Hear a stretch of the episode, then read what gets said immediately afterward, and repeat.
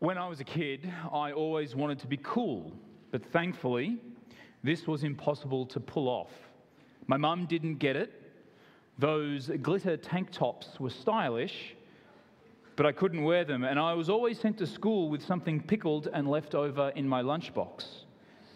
I was a first generation daughter to old world Eastern European parents. My tween concerns were alien to them.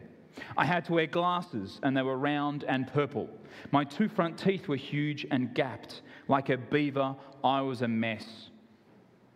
Now, that is not my story, as you may have picked up.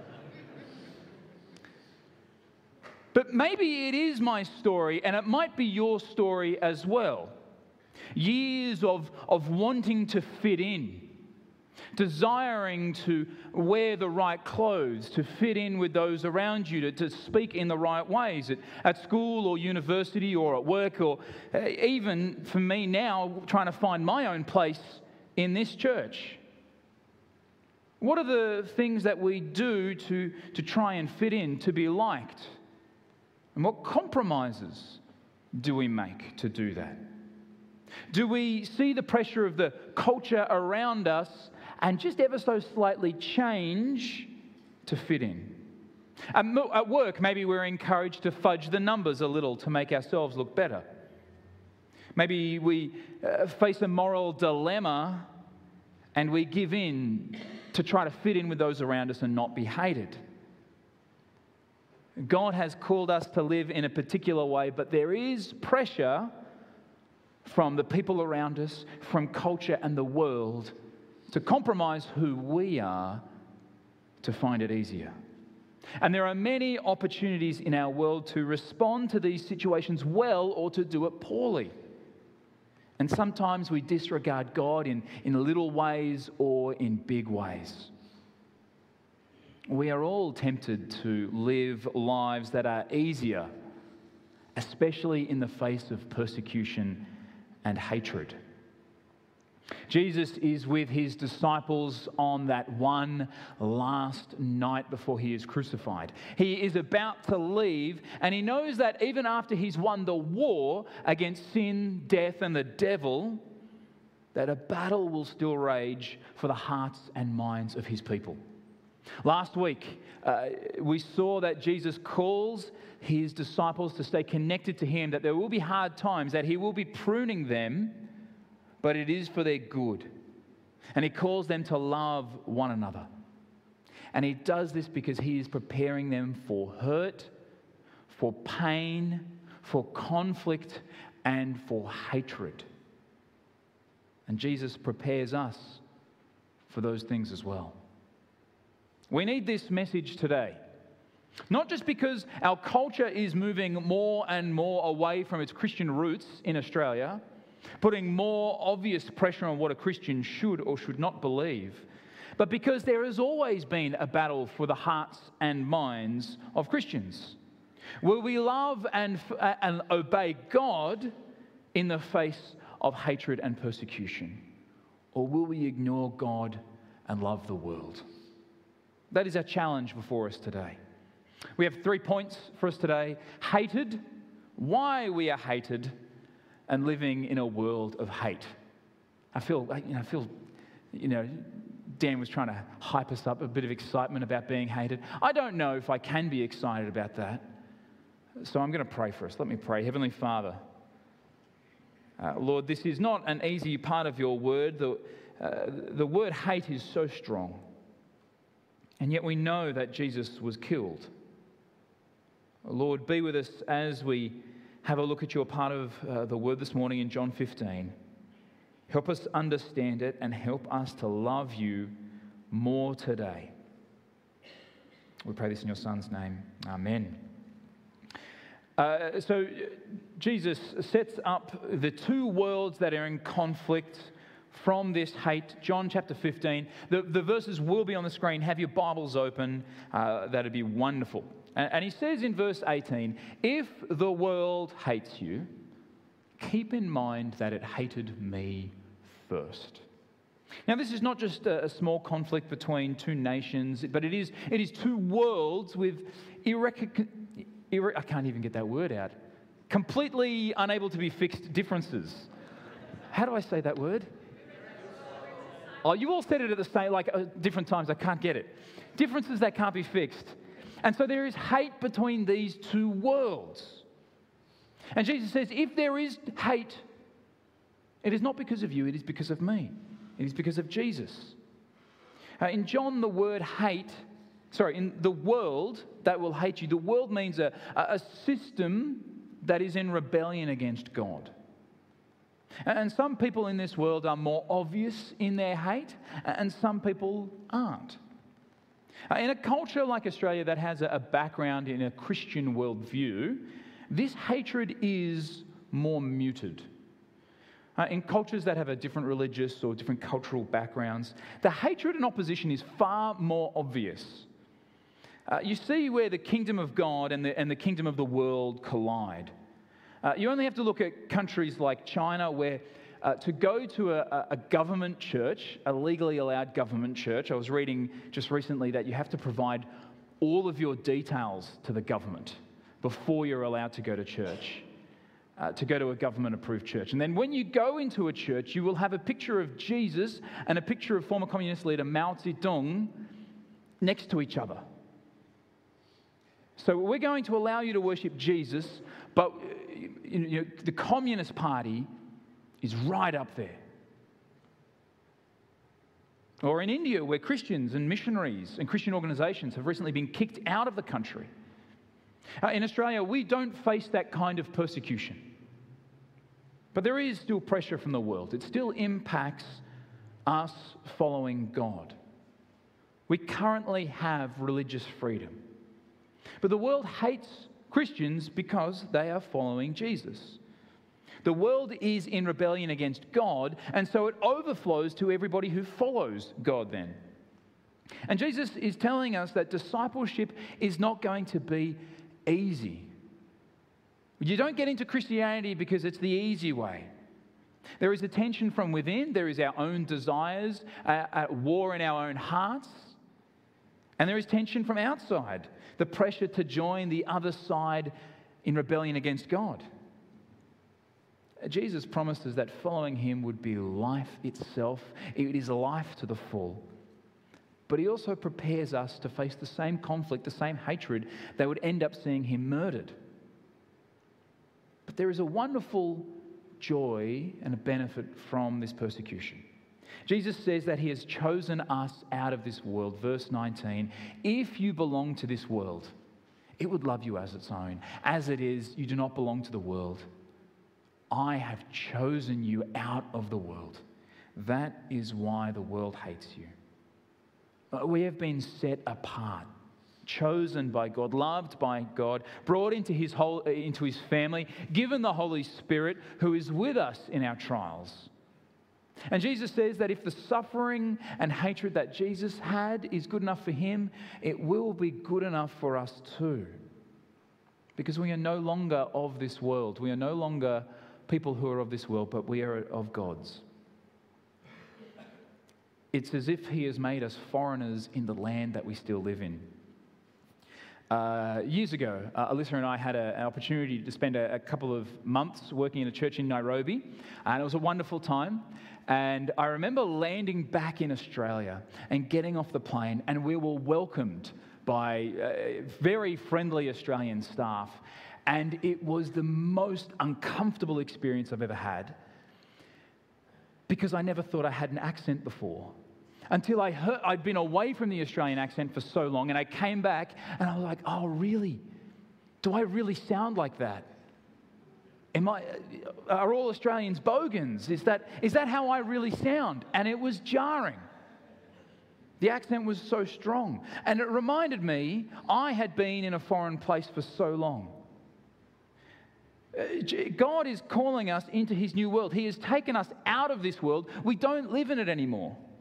And there will be that tension of, oh, I am not of this place. But none of us want to be hated while we're here. No Christian gets out of bed in the morning and goes, all right, I'm going to stir up the pot today. I'm going to cause some conflict. Jesus himself was facing persecution, and crucifixion. He was aware of the result of obeying God. So much so that he said, God, if there is any other way, but if not, he would face the hatred and persecution that would result in his death. And so, for us this morning, there is an encouragement and there is a warning as we face being hated. Uh, in the book of Acts, uh, the, the apostles uh, have seen the resurrected Jesus and they're off preaching and teaching and, and seeing people healed in the name of Jesus. And the Jewish leaders, the Jewish court, see this, don't particularly like it, so they arrest them. And they tell them not to keep talking about Jesus. Stop this. Don't do it. We don't like it anymore. And they flog them. Now, I have no idea what a flogging would be like. I can't imagine it is a nice feeling. They flog them and then they let the apostles go. I'm not sure how you would respond to that. You know, if somebody grabbed you in the car park today, took you off, pulled the hood off you, and flogged you and said, Don't you ever speak about Jesus again, don't you go back to that church. I think I'd probably consider maybe not doing that again. You know, uh, maybe I'd consider pulling my head in. Maybe I'd stay online for a little while. But the apostles, what's their response? Verse 41 the apostles left the Sanhedrin, that's the, the Jewish court, rejoicing because they had been counted worthy of suffering disgrace for the, for the name, the name of Jesus. Day after day in the temple courts and from house to house, they never stopped teaching and proclaiming the good news that Jesus is the Messiah. They rejoice because they had been counted worthy to suffer hatred for Jesus' name. They see, oh, they see that we're following Jesus and they want us to stop. How good is that? Let's keep doing it. The apostles were hated, persecuted, flogged, warned to change, to conform to the world around them, all because they were like Jesus. How did they react? They rejoiced and they did not stop doing it at all fit in with us or we're going to cancel you. They, they did not. But there's a warning for us here too. If we've been persecuted, hated, shamed, or pressured, I want to encourage you to make sure your persecution or the hatred towards you is for the right reason. Now, this might sound a bit, a bit strange, but it's easy to think we're being persecuted because we're Christians. But not every persecution a Christian will face is because of Jesus' name. The apostles were healing people, they were loving people like Jesus. But it is possible for Christians to be self righteous, to be judgmental, arrogant people. And you know what? Nobody likes that. And then we can easily think, oh, I'm being persecuted for being a Christian, instead of actually being persecuted because I'm being a jerk. We are called to love like Jesus.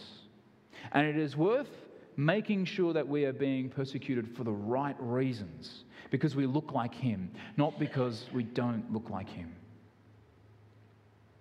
So, brothers and sisters, Jesus tells us that we are living in two worlds we are currently living this world, but He has called us out. He has chosen us out, and there will be hatred, there will be tension as we wait for God.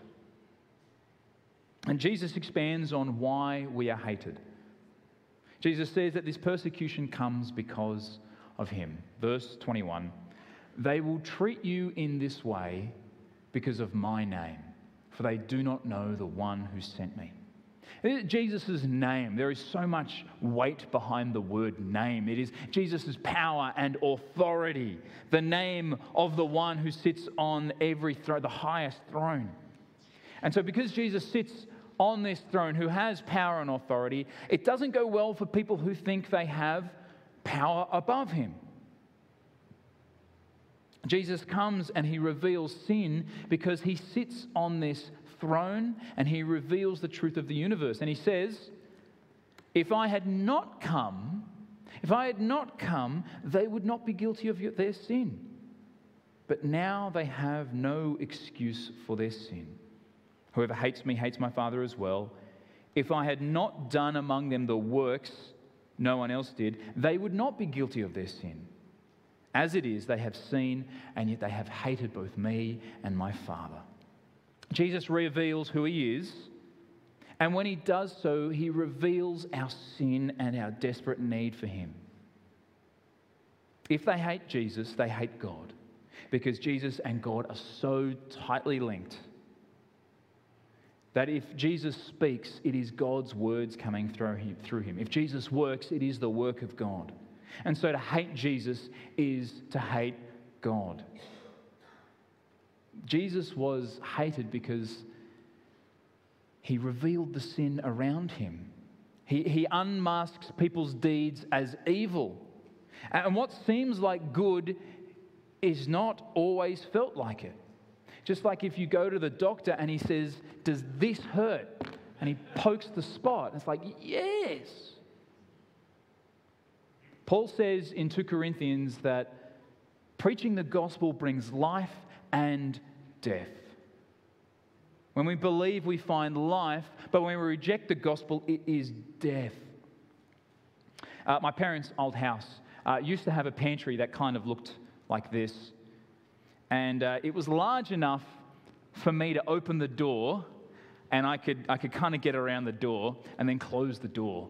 Uh, and it was one of my favorite places because they have all of the very best fancy chocolates and always a very large jar of salted macadamia nuts, which are out of my price range, but I make sure I eat when I go and see them. And so, what I would do is I would go and hide in there and eat until someone turned on the light or opened the door and found me, you know, covered in salt and chocolate wrappers and chocolate all over the place. And I had an option. Do I kind of come out with my tail between my legs? Oh, yeah, sorry. Or do I just push the door closed and stay in there? Jesus, in his life, death, and resurrection, turns the light on to our sin and our shame and our pain. And he opens the door and he calls us out. Come out. He offers us forgiveness. Come out. Uh, your, your shame is dealt with, your pain is dealt with. And we need to come out with humility. But for some of us, when we have that light turned on and our sin and our shame and that, that situation revealed, it is just too much, and we would rather shut the door on Jesus and hide. And so the gospel brings life, but it also brings death. And so some will reject Jesus, but some will find life. Brothers and sisters, we are called to be like Jesus and to bring the gospel to people's lives, and it will bring life, but it will also bring death and hatred and conflict and pain as those who follow Jesus become more and more like him, as we increase in love and patience and forgiveness and obedience, we will have the same impact on the world. But we will appear weird and strange and alien. The world is a society of rebels against God, and it is hard to tolerate those who joyfully obey Jesus. Just like Jesus, Christians are called to shine a light into the world but it's not always easy and it's not always welcome. In the, in, the first century, in the first century, Christians stood out because they only believed in one God compared to, say, the Greek pantheon. Uh, they loved people outside of their own family and social structure. They sacrificed, they gave for each other, they sold property. They wouldn't eat food sacrificed to idols. They stood out in a number of ways. Uh, but their view on marriage or abortion made them stand out as well. John the Baptist called out uh, Herod because Herod had married his brother's wife. And eventually, because he'd called that out, it results in him being killed. Christians in the first centuries would uh, take uh, babies that had been left out and exposed to the elements to be killed, they would adopt those babies. Christians have always had radical views on uh, marriage, abortion, on gender. And Christians continues to, to stand out for these reasons. I was speaking to a Christian recently who said he went to a Bucks And a group of them were going out to see, with children in the room, adult entertainment, if I can let the hearer understand. And they chose not to go. And that might just look like the persecution that comes from an eye roll or being called lame. Maybe having integrity in the workplace means not lying to make yourself look better. Choosing not to watch t- certain TV shows or movies because of their impact. I really, would really love to watch the TV show Game of Thrones, but I know uh, the content in it, and I know that's not going to be helpful for me. Choosing to love and value those who are needy, and yet the world says just ignore them, we can get rid of them. When Christians choose to walk like Jesus, and we will stand out from the world. We'll stand out from the world, it shines a light on evil, and there is a response. It might range from an eye roll all the way to persecution to death. But sometimes, when the light shines, people see the Jesus that the Christians represent, and they come to love him. So, now what? What do we do living in a world that Jesus says people will hate you? What do we do knowing that there will be persecution, that there will be hatred, because we are to be like Jesus? What do we, how, how do we obey knowing that it will make people uncomfortable? Firstly, we are called to stand up in love. Uh, in the NRL last year, uh, the teams were told to wear uh, a pride jersey for Pride Round. Uh, and the Manly uh, football team uh, had seven players who said, No, we will not wear that. Uh, we're not going to wear that. Uh, uh, we love the people that it represents, but we don't agree with what it stands for, and so I can't wear this uniform. Uh, and so those seven players didn't play the game, they were replaced. Uh, the team lost, and Manly didn't win another game that year. Now, you might be cheering because Manly's a team that is often quite easy to hate. But I don't know the full implications of that incident for that team. I don't know what, what it would have been like to be in that environment for seven of those players to say, I, I, I love Jesus and, and I love these people, but I'm not, I can't wear that. I don't know about the amount of criticism poured on these players. I don't know about the pressure from their fellow players to just, it's just some clothes, just wear these clothes. We need to win this game to get into finals. I don't know the pressure of management and coaching staff and, and sponsors. But since then, uh, this year, the uh, NRL is reconsidering whether they will do a pride round at all. And while it can be tempting to want the world to look like what it did when we grew up, the point here is not to force morals on, our, on the world. Because that's not going to happen. The world will become what the world becomes as it is in rebellion against God. The point is to see the Jesus behind it. Because we don't want people to just look like us, we want them to see Jesus. And that's the challenge in taking a stand. I want to obey Jesus in the face of consequences, despite the consequences, so that people would see the Jesus I represent and not just this issue. Uh, brothers and sisters, we are living in a world that is moving further and further from its Christian worldview. And that means it's going to get harder and harder, and we will look more alien in a foreign world. All of us will have to decide Will I follow Jesus with all of my life? Eh, what do I do if I'm put in a difficult situation at school or at work or with friends where it is very easy to compromise? But I can only compromise so long until I have just moved far from Jesus. Jesus never promised it would be easy. The disciples, many of them were killed, but he promised that he would be with us.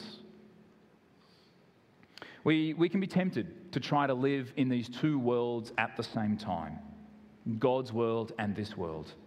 But we can't. You have to give up your passport to one to enter the other. I'm sure many of you here have, have given up a passport to another country to become a citizen of this country. We are called to love despite being hated, to be in the world but not to be of the world. And this will be hard. We'll be hated for following Jesus. But the antidote, antidote to this is love. I just want to leave us with this thought. Uh, we are in a world where, more and more so, truth seems to be in opposition to love. If you take any issue that I've, I've, briefly spoken about today that causes conflict between Christians and the world, whether it's gender abortion, marriage, porn, workplace theft, tax evasion, or, or the types of entertainment we view, we can create a, a false dichotomy on truth and love. We can disagree on the issue, and the, the rea- we can view the reality of truth as different. And so I can say, I disagree with you on this issue. And what I see happening more and more in the world, the, the ability to have uh, a civil conversation, and probably because of the amount of these arguments on the internet, which is never a good place to spend your time. If I say, I think this is truth, well, it's held in opposition to love. If you believe that, well, you, you can't love me. If you would love me, you must agree with everything I do and say. And so these two, truth and love, are held as opposites. And so when a Christian comes along and say, I think this, I, this is the Christian worldview, it is then, well, if you believe this, you hate me and everything I stand for. But the, the wonderful truth, the antidote to being hated, is to hold these two things together. This is what the Christian world has always done. We hold love and truth together. And, brothers and sisters, let me tell you, it is hard, but it is what we are called to do. Jesus himself loved so much that he would die for people like us, people who were his enemies. Not just people who had a slight disagreement, but actually his enemies. Despite our views of him, he still died for us. And so let me encourage you. As we go out into a world where we are called to follow Jesus and obey him and take a stand to follow him, do it in love. Do it gently and do it in love like Jesus would. Let me pray for us. Heavenly Father, Heavenly Father, I thank you that in your Son you have revealed our own sin and how far we are from you. But Heavenly Father, I thank you that you have not left us there, but that in Jesus' life, death, and resurrection, you have brought us, brought us home into your family. Heavenly Father, as we hold this out to, to people at work or our families or at school, that you would help us when we are hated, but that you would help us when there is conflict. That we would hold out the love that is in Jesus and not just call people to moral change. Help us to be like you, Lord, we ask. Amen.